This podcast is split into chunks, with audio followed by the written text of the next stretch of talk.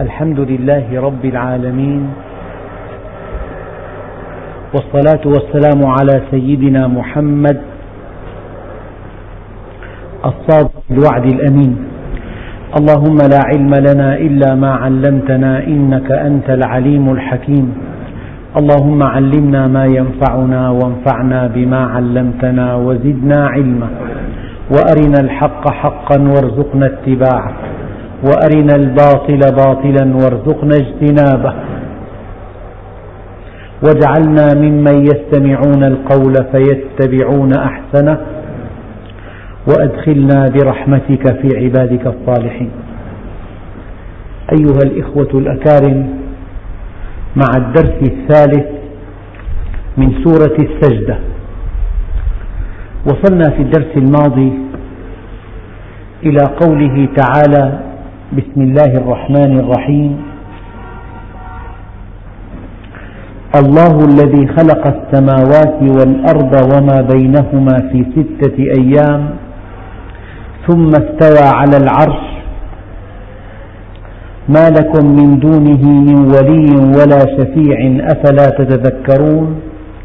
يدبر الأمر. التدبير بمعنى أن يهيئ تصرفا إثر تصرف عملا إثر عمل فعلا إثر فعل.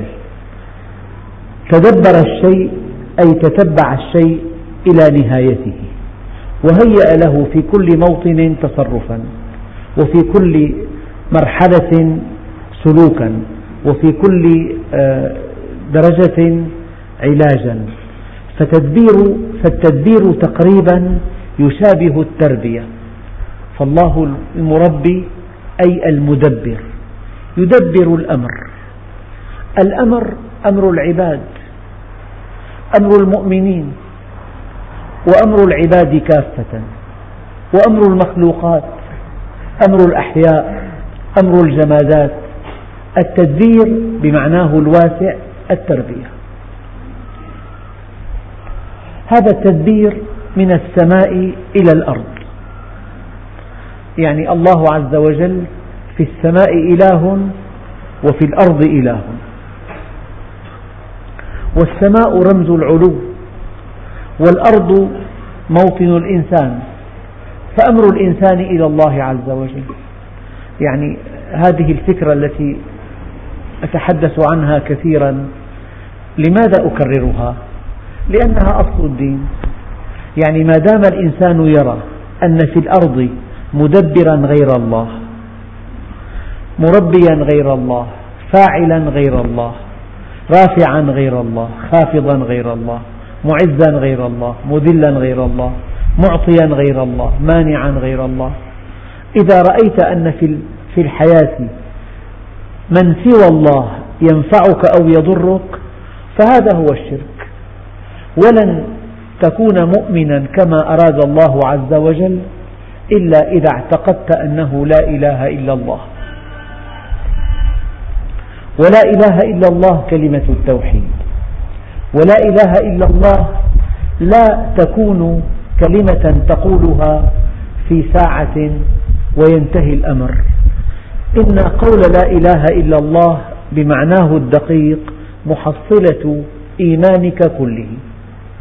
يعني تفكرك من عشر سنين وحضورك مجالس العلم من عشر سنين ومحاكمتك وتدبر آيات القرآن الكريم وتأملك في خلق السماوات والأرض ونظرك إلى الحوادث وما تنطوي تحتها من وما ينطوي تحتها من حكمة بالغة ومن موعظة كبيرة.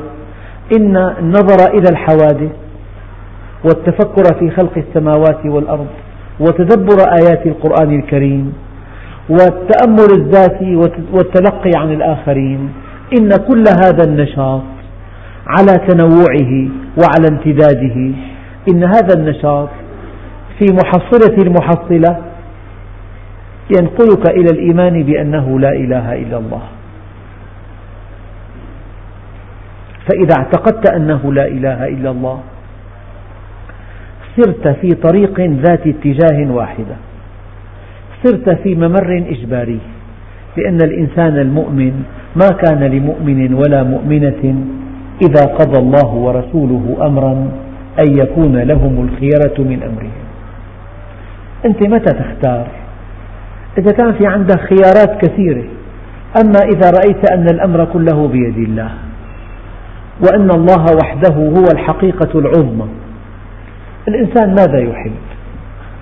دقق قلبك يتعلق بمن؟ الإنسان فطر على حب العظيم وحب المحسن وحب الجميل. القلب يتحرك متى؟ القلب ينبض بمشاعر الحب متى؟ إذا لاقى عظيما أو لاقى جميلا أو لاقى محسنا. لا عظيم إلا الله. ولا محسن إلا الله. والله سبحانه وتعالى أصل جمال الكون.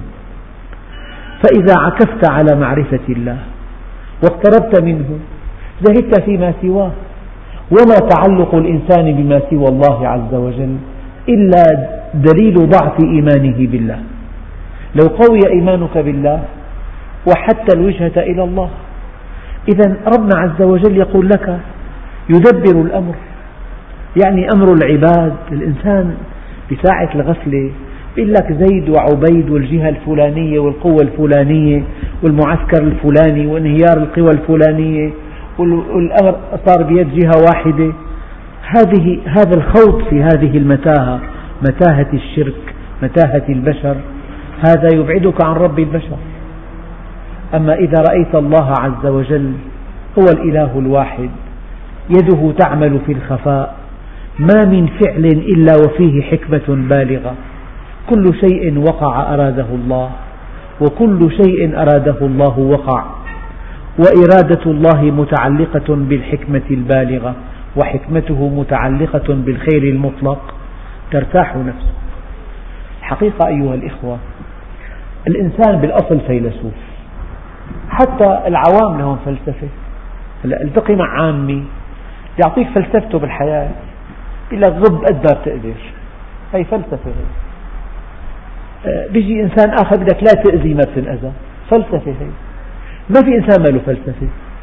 ما في إنسان ينطلق في حركته اليومية إلا وفق تصور. فمن هو البطال؟ هو الذي يكون تصوره صحيحا. قلت لكم كثيرا ما هو الجهل؟ قد يظن الإنسان الجهل عدم المعرفة. لا يا ليت ذلك. يا ليت الجهل أن لا تعرف. لا. الجهل أن تملك معلومات مغلوطة كلها تصورات خاطئة. علاقات غير صحيحة. مقدمات لا تفضي للنتائج. فالإنسان الجاهل قد يكون دارس قد يكون معه أعلى شهادة. قد يكون ممتلئ علاقات غير صحيحة. مفاهيم مغلوطة. تصورات كلها خاطئة. فالإنسان الشيء الذي أنا أعيده كثيرا لاحظ نفسك بجوارحك وأعضائك تهتم بها اهتماما بالغا. لو أصاب العين لا سمح الله غلط بسيط ضعف في الرؤية تشوش في الرؤية ذبابة طارت أمام عينيك. هذا أحد أمراض العين. لو شعرت بأن خللا في العين تبادر إلى الطبيب تدفع أي مبلغ تنتظر أي زمن؟ لماذا؟ يجب أن, يهم أن يهمك أمر دينك. هذا كلام خطير. ابن عمر دينك دينك. يعني احرص على دينك. إلزم دينك. تقص أمر دينك. دينك دينك. إنه لحمك ودمك. إنه لحمك ودمك. دقق. اسأل لا تمر مر الكرام. ما من مشكلة تقع في المجتمع. ما من طلاق. ما من تفليس. ما من تفليس. ما من آه يعني مأساة. إلا وراءها معصية. أبدا. ما هو الفساد؟ هو الحركة من غير منهج الله. انظر إلى الكون. كله يعمل وفق نظام دقيق. انظر إلى الكائنات غير المختارة. تعمل بانتظام. انظر إلى النحل إلى النمل إلى أية مجموعة من المخلوقات. إن لم تكن مختارة تعمل بأمر الله وفق أكمل صورة. لأن الله عز وجل كماله مطلق والأمر كله بيده. لكن الإنسان حينما يتحرك بدافع من شهواته من دون هدى من الله عز وجل يقع الفساد. وإفساد الشيء إخراجه عن صلاحه. الماء صالح للشرب. إفساد الماء إذا لوثته إذا أخرجته عن صلاحه. إفساد الشاب إذا أخرجته عن دينه. إفساد الفتاة إذا أخرجتها عن عفتها. إفساد المواد إذا أخرجتها عن مقوماتها. فالإنسان حينما يتحرك بدافع من شهوته بلا منهج لا بد من أن يكون فاسدا مفسدا. يعني الأمر ليس سماع مجلس علم سماع تفسير آية الأمر يتعلق بمصير كل منا. لاحظ ما من مشكلة تعاني منها إلا بسبب خطأ في السلوك الناتج عن خطأ في التصور خطأ في العلم خطأ في السلوك مشكلة. أبدا. لما ربنا عز وجل قال قال اقرأ باسم ربك الذي خلق. خلق الإنسان من علق. اقرأ وربك الأكرم الذي علم بالقلم. علم الإنسان ما لم يعلم. يعني هذه الآية إذا تغاضينا مبدئيا عن خصوصية السبب الذي نزلت من أجله. هي خطاب النبي عليه الصلاة والسلام. إذا أخذنا عموم اللفظ الله عز وجل يقول لك اقرأ. والقراءة رمز التعلم. يعني تعلم لأنك إنسان. أودع الله في الإنسان قوة إدراكية. أودع الله في الإنسان فكرا. أودع الله في الإنسان عقلا. أودع الله في الإنسان معرفة. قال له اقرأ. فإذا لم تقرأ ما الذي يحصل؟ ما بدي أقرأ. يعني إذا الإنسان قال لا أريد هذا الدين. إذا أدار ظهره للقرآن. إذا نسي المبتدأ والمنتهى. إذا قال هذا الدين باطل. ما, ما في مانع. قل هذا الكلام. انظر ماذا ينتظرك. ماذا قال عليه الصلاة والسلام. بادروا بالأعمال الصالحة. فماذا ينتظر أحدكم من الدنيا؟ تصور إنسان يعيش.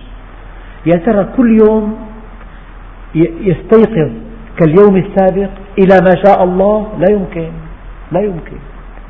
سنة سنتين خمسة عشرة أحد الأيام يستيقظ على خلل في جسمه.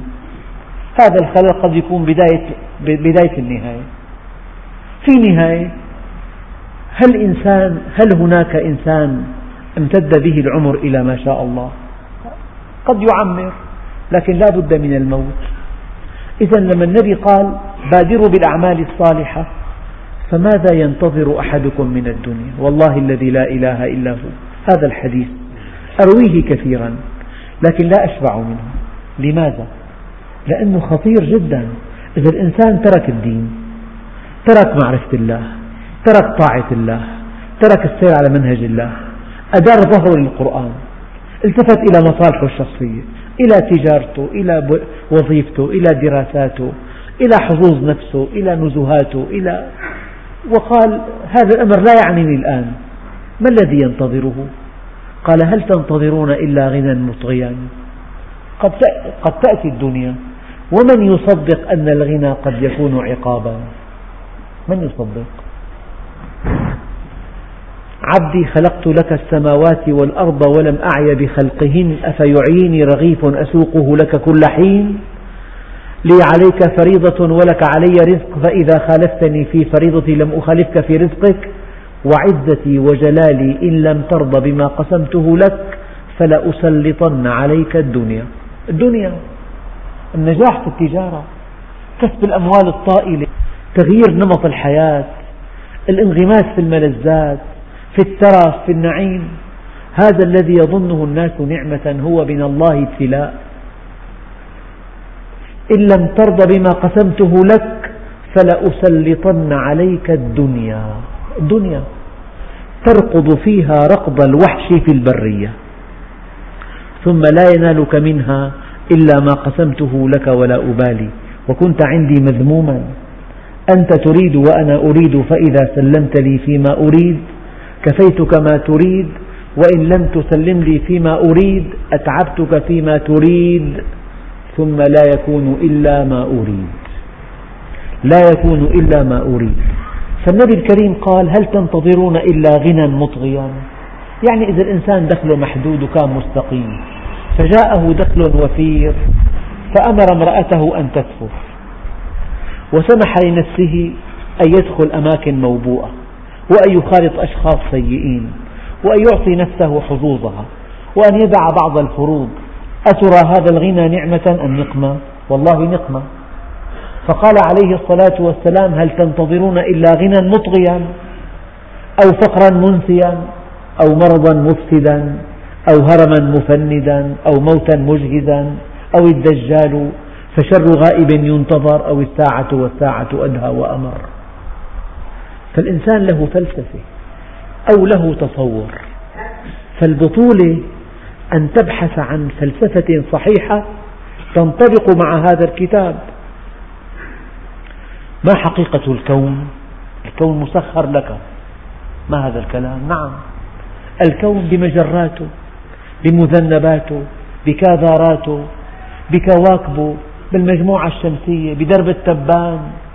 هذه النجوم العملاقة يعني إذا كان أقرب نجم ملتهب أربع سنوات ضوئية تحتاج أن تصل إليه بمركبة أرضية إلى خمسين مليون عام.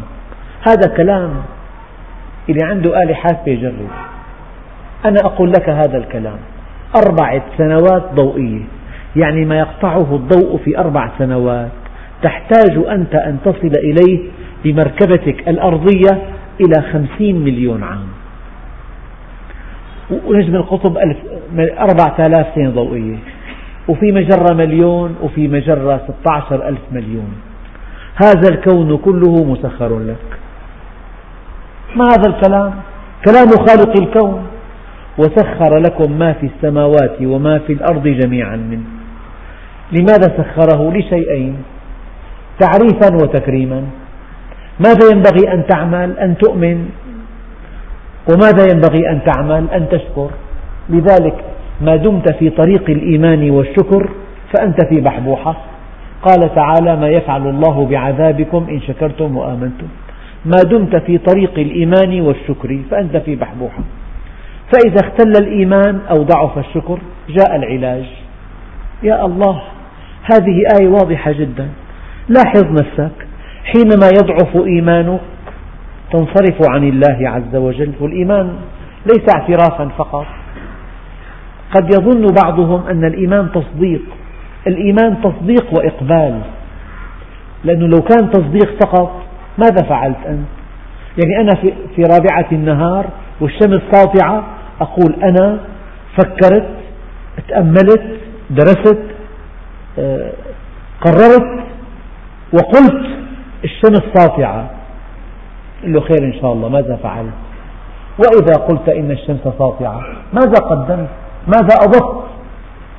يعني الإيمان بالشيء لا قيمة له إلا إذا تحركت نحوه. شوف. قل إنما أنا بشر مثلكم يوحى إلي أنما إلهكم إله واحد. هلأ. فمن كان يرجو لقاء ربه فليعمل عملا صالحا. هذه المشكلة؟ المشكلة هناك أناس كثيرون يقرون بوجود الله وباليوم الآخر وما داموا لا يتحركون باتجاه طريق الحق فهم ليسوا جديرين أن يسموا مؤمنين. يا عبدي ماذا فعلت من أجلي؟ هل واليت في وليا؟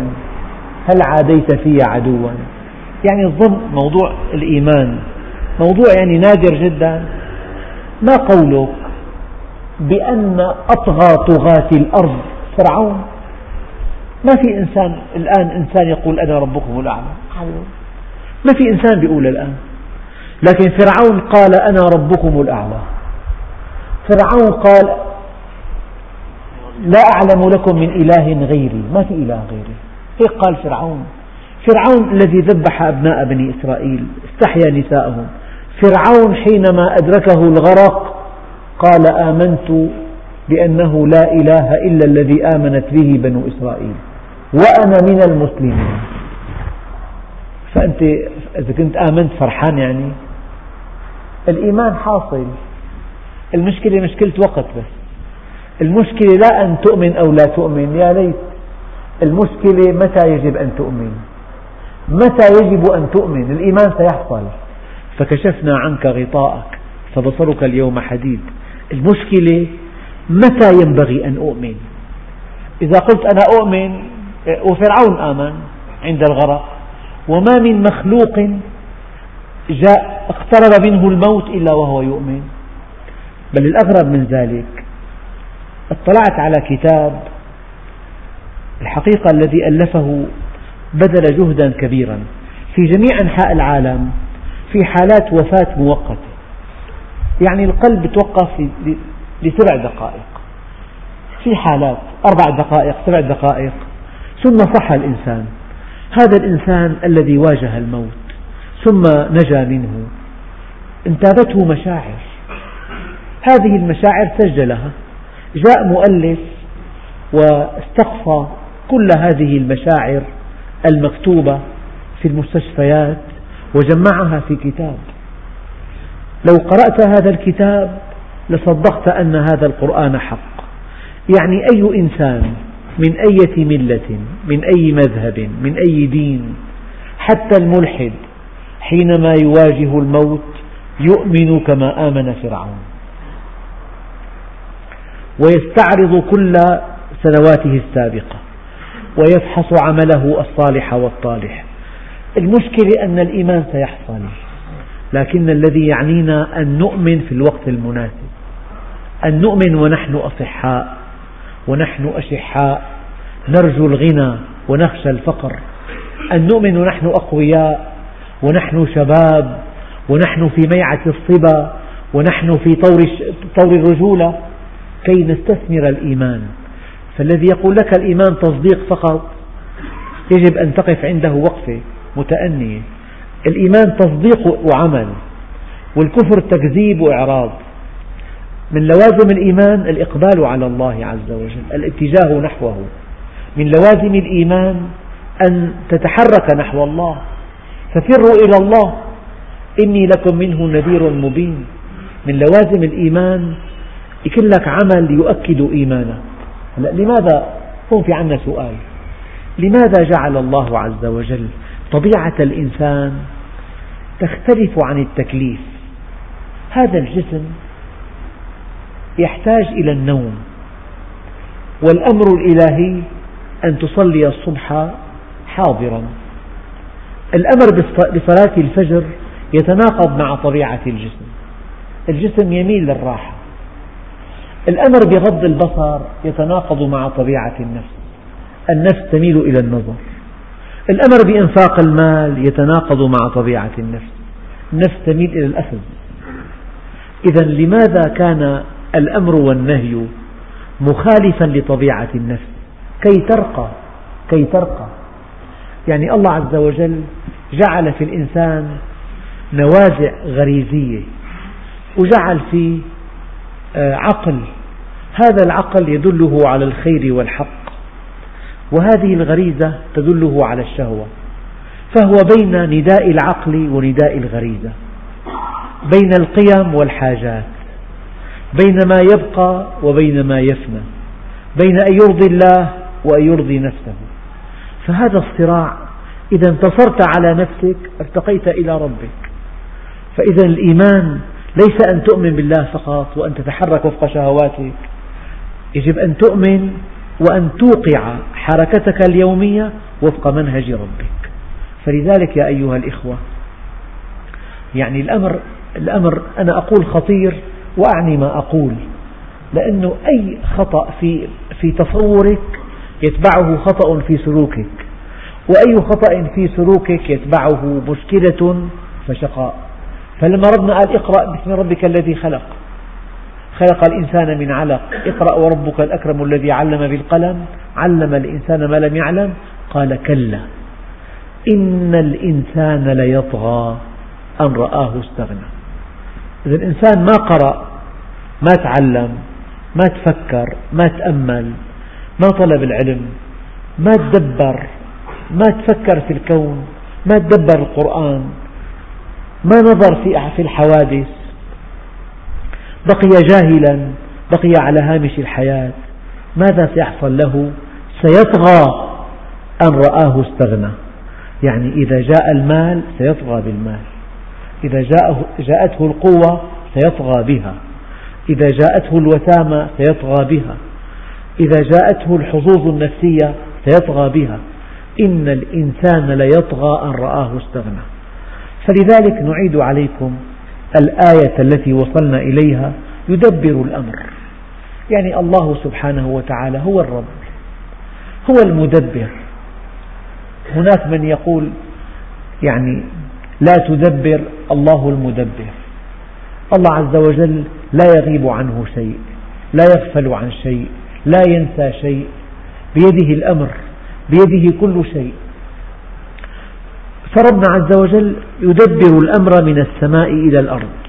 يعني أمر العباد أمر المخلوقات رزقهم رزقهم إيمانهم طباعهم أمراضهم نفوسهم تربية كاملة. أنا أقول تربية جسمية وعقلية ونفسية واجتماعية. يربيك جسميا. الخلايا تنمو. والشرايين تتسع. والكتلة تزداد وزنا وحجما. والغذاء متوافر. والغدد والأجهزة والأعضاء كلها تعمل بانتظام بيد الله عز وجل. لو اختل النمو لكان المرض الخبيث. ما المرض الخبيث؟ اختلال في نمو الخلايا. فالله عم يدبر لك جسمك وينمي لك عقلك. يريك من آياته. تقرأ آية بالقرآن تتعامل مع الناس ترى في تعاملك مع الناس ما يؤكد هذه الآية. لا إله إلا الله. يقول لك يمحق الله الربا. يريك في المجتمع كيف أن المرابي محقه الله عز وجل. يقول لك ويربي الصدقات كيف أن المتصدق يزداد ماله. التطابق بين كتاب الله وبين ما يجري في الأرض؟ هذا التطابق هو دليل أن هذا الكلام كلام الله. فعم يدبر لك عقلك كمان. دبر لك جسمك نزل أمطار أرسل رياح آه، ساق الرياح ساقت السحب انقلبت إلى أمطار انقلبت الأمطار إلى ينابيع سقي الزرع نمى الزرع صار محاصيل صار خضار صار فواكه صار أزهار. كل هذا الشيء من أجلك. عم يدبر لك جسمك. البقرة من أجلك والدجاج من أجلك والخروف من أجلك. وهذه الأنعام التي خلقها الله لكم. لكم. والأنعام خلقها لكم. خلقها خصيصا لكم. هذا تدبير الجسم. يدبر العقل. يريك من آياته. ينمو عقلك بآيات. أحيانا تظن أن السبب هو خالق النتيجة. يخلق لك هذه العادة؟ تظهر خرق للعادات. من أجل أن تعلم أن الله هو الخالق وليست الأسباب. إذا نمى عقلك. النفس أصابها الكبر. أرسل لها من يهينها. فتابت إلى الله. ربى لك نفسك. فربنا عز وجل بربي جسمك بربي عقلك بربي نفسك. أنت منعزل عن الناس. الناس أيام بيتكلموا بحقك. بتعود إلى صف المجتمع بعلاقة طيبة طاهرة فيدبر الأمر من السماء إلى الأرض. أمر الأمطار أمر النبات أمر الأرزاق أمر تأديب العباد أمر معالجتهم فرادى ومجتمعين. الأمر يعني مطلقة والمطلق على إطلاقه. من السماء إلى الأرض. الآن الله أرسل أرسل مصيبة أو أرسل أمطار غزيرة. صار في خير وفير. الآن رد الفعل. هل هناك من شكر؟ هل هناك من طغى وبغى؟ هل هناك من كفر؟ هل هناك من استخدم المال في معصية الله؟ هل هناك من استخدم المال في طاعة الله؟ ردود الفعل. الله عز وجل دبر الأمر من السماء إلى الأرض. ماذا رد فعل العباد؟ هل هم شاكرون؟ هل هم صابرون؟ هل هم حامدون؟ هل هم آه، ناقمون؟ هل هم طائعون؟ هل هم عصاة؟ ثم يعرج إليه في يوم كان مقداره ألف سنة مما تعدون. يعني لو فرضنا سكان الصين الذين يعدون مليار ومئتين ألف لو كانوا جميعا موظفين وأنت محاسب ما في غيرك كم تستغرق لإعطائهم رواتبهم؟ يعني إذا كل واحد بده خمس دقائق تقول له اسم الكريم تفتح الدفتر تبحث عن اسمه تسلمه الراتب تقول له وقع. بده خمس دقائق فمليار ومئتين ألف.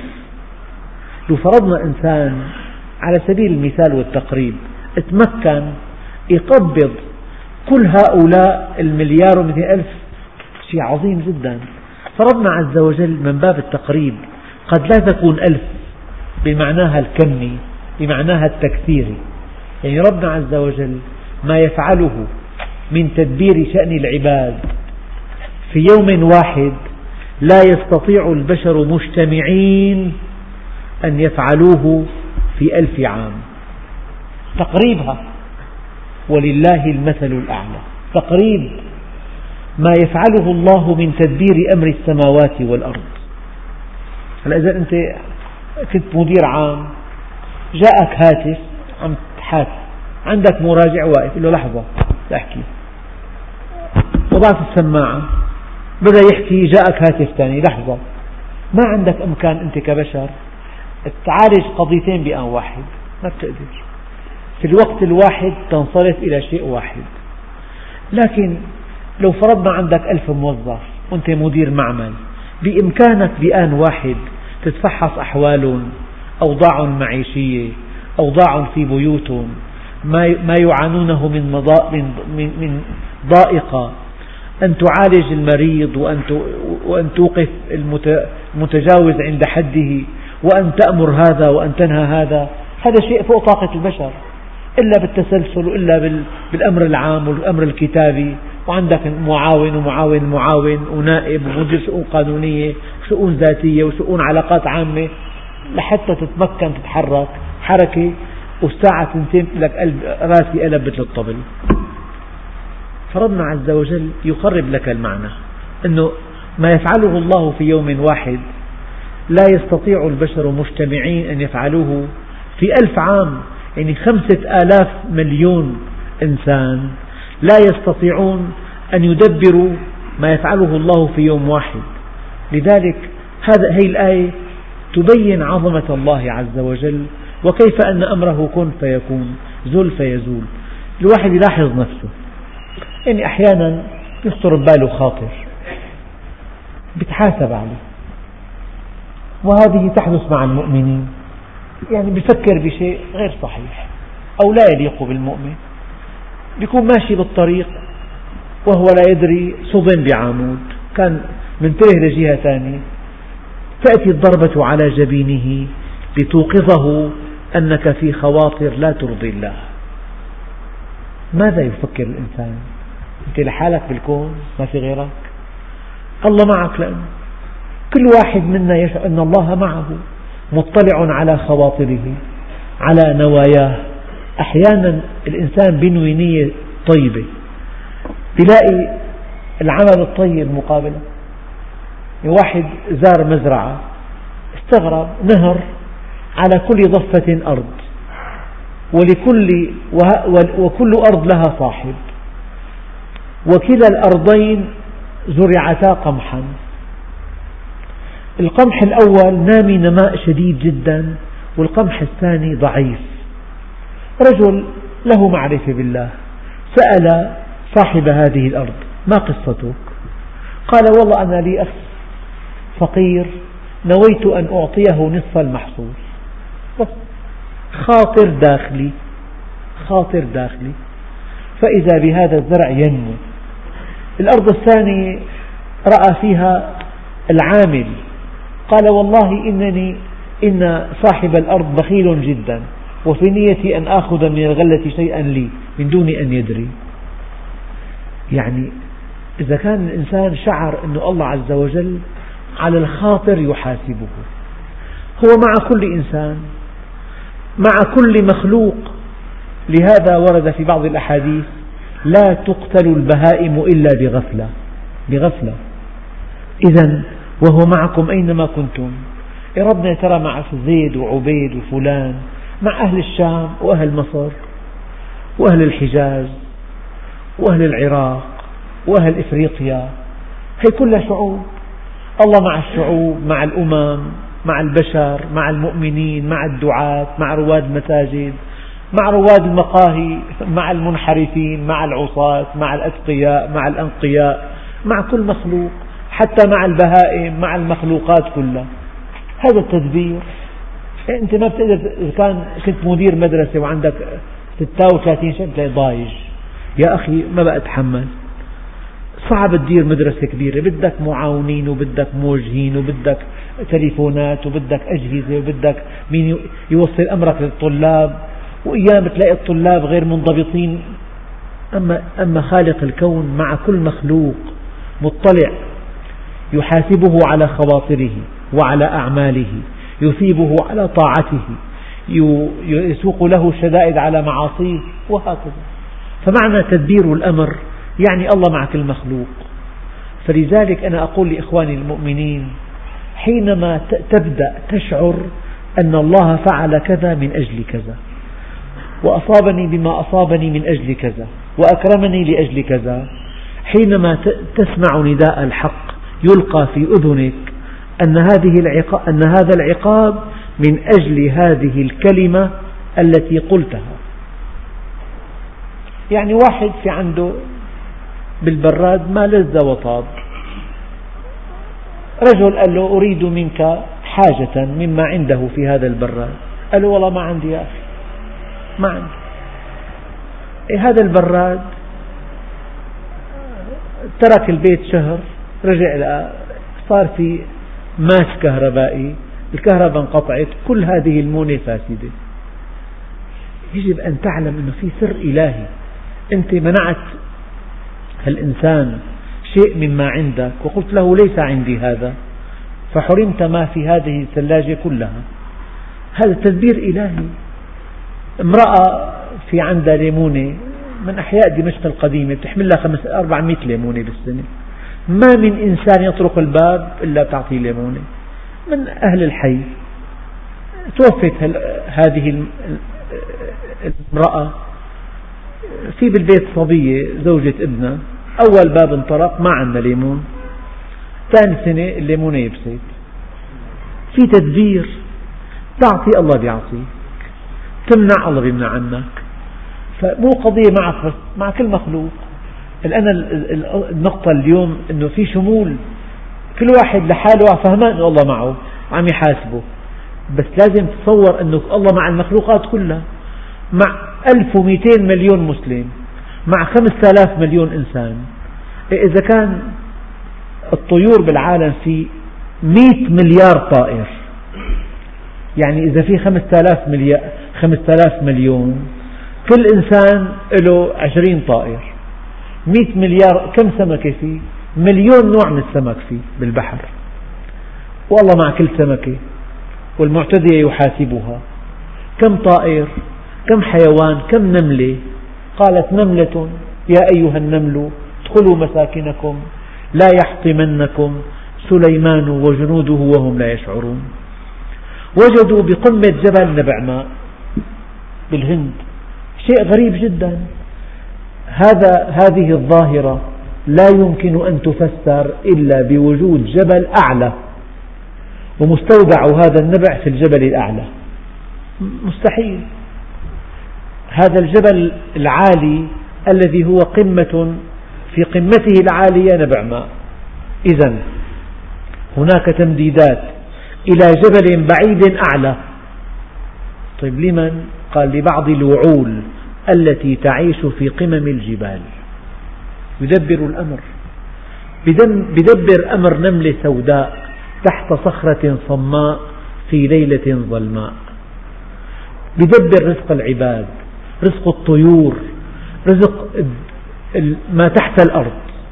تلاقي دودة تحت الأرض لها رزقها عند الله عز وجل. يعني هذه الآية هي فعل الله كله. يعني هو رب العالمين. يدبر الأمر. أمر العباد أمر المؤمنين أمر الكفار أمر الحيوانات رزقا. الإنسان رزقا وعقلا وجسما وروحا ونفسا واجتماعا. تدبير عام. ثم يعرج إليه في يوم كان مقداره ألف سنة مما تعدون. يا ربنا يتصرف ويتلقى نتائج تصرفه. بعثنا بلاغ درسناه دراسة كبيرة على مستوى القطر. الآن تلقينا تقارير عن مستوى تقيد الموظفين بهذا البلاغ. تقريبا يعني دبرنا أمر وتلقينا النتيجة.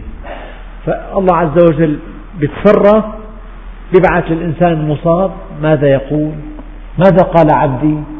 يا ربي حمدك عبدك فلان. اكتبوا له الأجر. ماذا قال عبدي؟ إنسان يا ربي شو عمل لك؟ أنا عم تعمل لي هيك. إذا جاهل. إنسان يا ربي لك الحمد. عالم. فالله عز وجل يتصرف ويتلقى نتائج مواقف العباد. ثم يعرج إليه في يوم كان مقداره ألف سنة مما تعدون.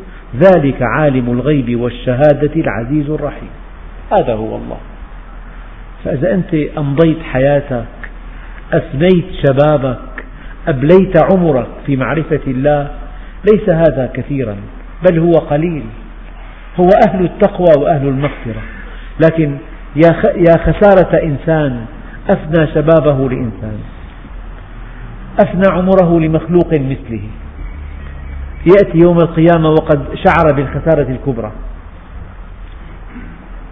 ذلك الذي يدبر الأمر من السماء إلى الأرض ثم يعرج إليه في يوم كان مقداره ألف سنة مما تعدون. ذلك عالم الغيب والشهادة العزيز الرحيم الذي أحسن كل شيء خلقه وبدأ خلق الإنسان من طين. إيه، هل ترى في خلق الرحمن من تفاوت؟ كيف التفاوت؟ يعني في إحكام ما بعده إحكام؟ دقق في, في الجمل دقق في الحيتان في الفيل في النملة. في البعوضة قلبها لها ثلاث قلوب قلب مركزي ولكل جناح قلب. أجنحتها ترف رف دقيق جدا في الثانية أعداد كبيرة جدا. إلها محاجم إلها مخالب إلها جهاز رادار. جهاز تحليل دم جهاز تميع دم جهاز تخدير جهاز تخدير وتميع وتحليل ورادار ومحاجم ومخالب وثلاث قلوب وأجنحة وطنين. هذه البعوضة التي لو, لو أن الدنيا تعدل عند الله جناح بعوضة ما سقى الكافر منها شربة ماء. ذلك عالم الغيب والشهادة العزيز الرحيم. الذي أحسن كل شيء خلقه. الصوص ينشأ في منقاره رأسا مدببا جدا كالمخرج من أجل أن يكسر قشر البيضة. بالمناسبة الشكل البيضوي هو أقسى وأمتن شكل هندسي. أي شكل منحني القوة موزعة على كل السطح بالتساوي. لكن الشكل البيضوي ضعيف جدا من الداخل متماسك جدا من الخارج.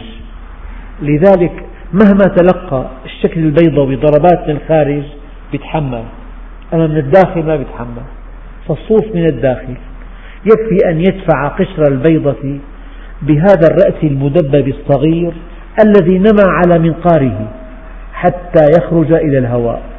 فإذا خرج إلى الهواء تلاشى هذا الرأس المدبب يعني الله أعطاه مفتاح لهالعلبة مفتاح مؤقتا.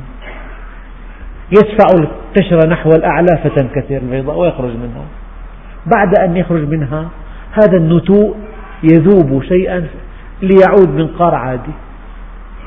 يد من هذه؟ هذا القلب بالجنين ما في ما في تنفس. ولا في استنشاق ولا في رئتين ولا في دورة صغرى. ربنا فتح ثقب بين البطينين.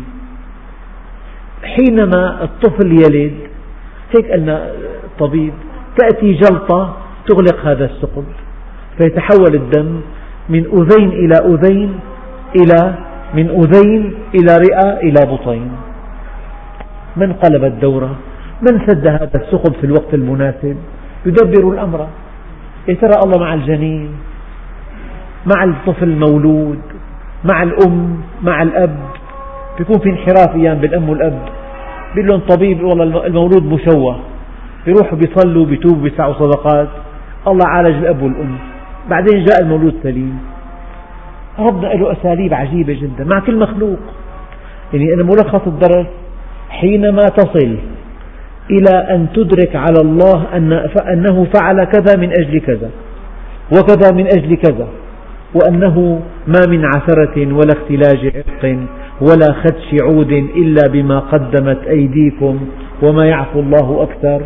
إذا وصلت في معرفتك بالله إلى هذا المستوى فقد قطعت نصف الطريق.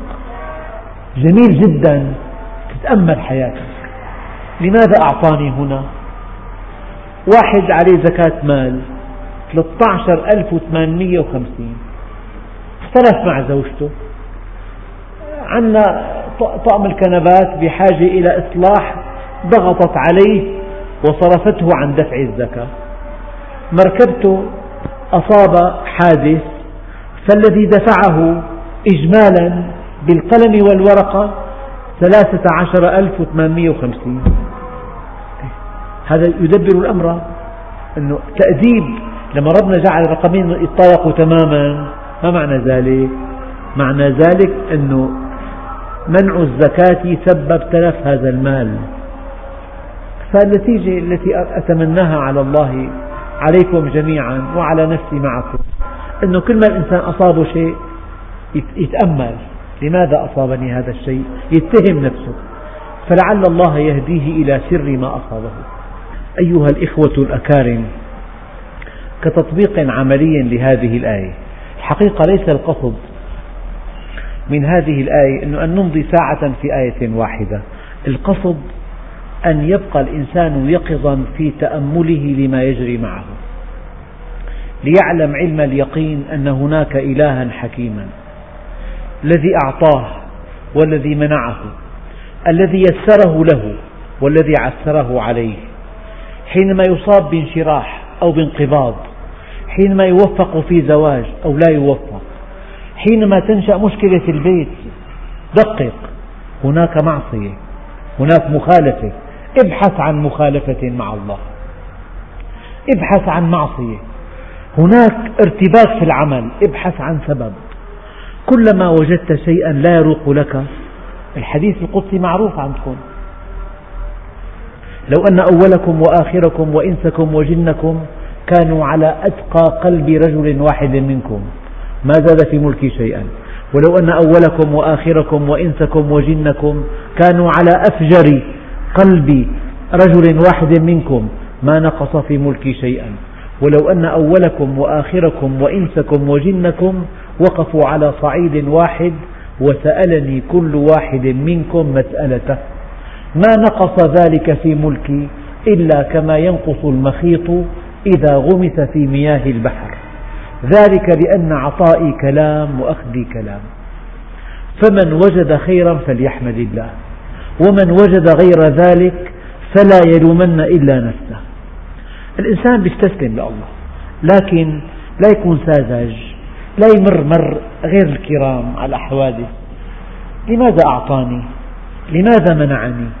لماذا عسر علي هذا العمل؟ لماذا ابتلاني؟ دائما اتهم نفسك ودائما قول وراء ما يجري سبب وجيه لأن الله حكيم.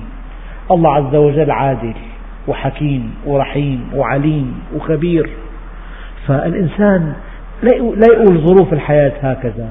لا يقول الدهر يومان يوم لك ويوم عليك. لا تقول القدر سخر مني. لا تقول هيك حظي لا تقول حظ ما في حظ في توفيق وتعسير فأما من أعطى واتقى وصدق بالحسنى فسنيسره لليسرى وأما من بخل واستغنى وكذب بالحسنى فسنيسره للعسرى. الإنسان يلاحظ ربنا عز وجل قال الذي خلقني فهو يهدين والذي يطعمني ويسقين. ما قال والذي يمرضني قال وإذا مرضت. يعني أصل المرض في أصله خروج عن منهج الله عز وجل. هذا أصل المرض الأصل. طبعا في حالات أخرى نادرة لكن في أصل في, في الأصل الإنسان مجهز تجهيز كامل. فإذا تحرك على خلاف منهج الله أصابه خلل في جسمه. فيا أيها الإخوة الأكارم كلمة يدبر الأمر والله لا أشبع منها. واسعة كثير. يدبر أمر من؟ أمر كل شيء. لهذا قالوا في تعريف اسم العزيز هو الذي يحتاجه كل شيء في كل شيء كل شيء يعني يدبر أمر كل شيء في كل شيء. أمر كل شيء أنت وزوجتك وأولادك أيام يكون الزوج في تقصير مع الله الابن ترتفع حرارته يأتي الطبيب يلهمه الله أن يكبر الأمر على الأم والأب. بتلاقي الأب الأم والأب بيغلوا غليان الحرقة على ابنهما إلى أن يتوبوا إلى الله عز وجل. فلعل مرض الإبن كان تأديبا للأب والأم. أحيانا الإنسان بيكون بيجي الدخل الكبير تكريم وأيام امتحان وأيام استدراج وأيام بيمنع عنه المال تأديب وأحيانا امتحان وأحيانا ابتلاء. هذا الفكر خليه يعمل.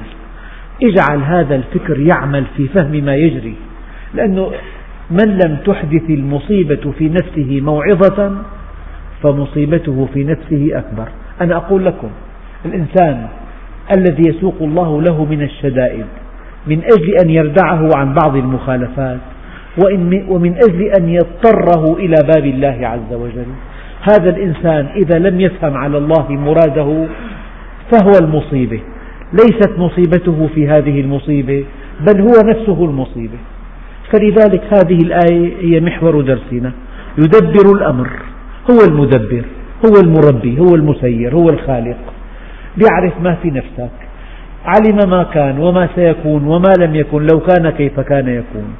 وليس في الإمكان أبدع مما كان. وليس في إمكاني أبدع مما أعطاني. وسخر الله لك كل شيء من أجل أن تعرفه. لذلك بدبر الأمر وبتلقى ردود فعلك بعث لك الإكرام. قلت أنا أخي أنا أمضيت عمري بهالمصلحة. صار في عندي خبرة. الآن عم بأخذ قرشين نضاف منها. شرك شرك. التوفيق ترجمه إلى شرك. إنسان آخر الله حرم حرم المال حرمه المال. إيه؟ الله عز وجل بدبر ويتلقى ردود الفعل. ثم يعرج إليه في يوم كان مقداره ألف سنة مما تعدون ذلك عالم الغيب والشهادة العزيز الرحيم. عالم الغيب ما غاب عنك وما شهدته. الذي أحسن كل شيء خلقه وبدأ خلق الإنسان من طين والحمد لله رب العالمين.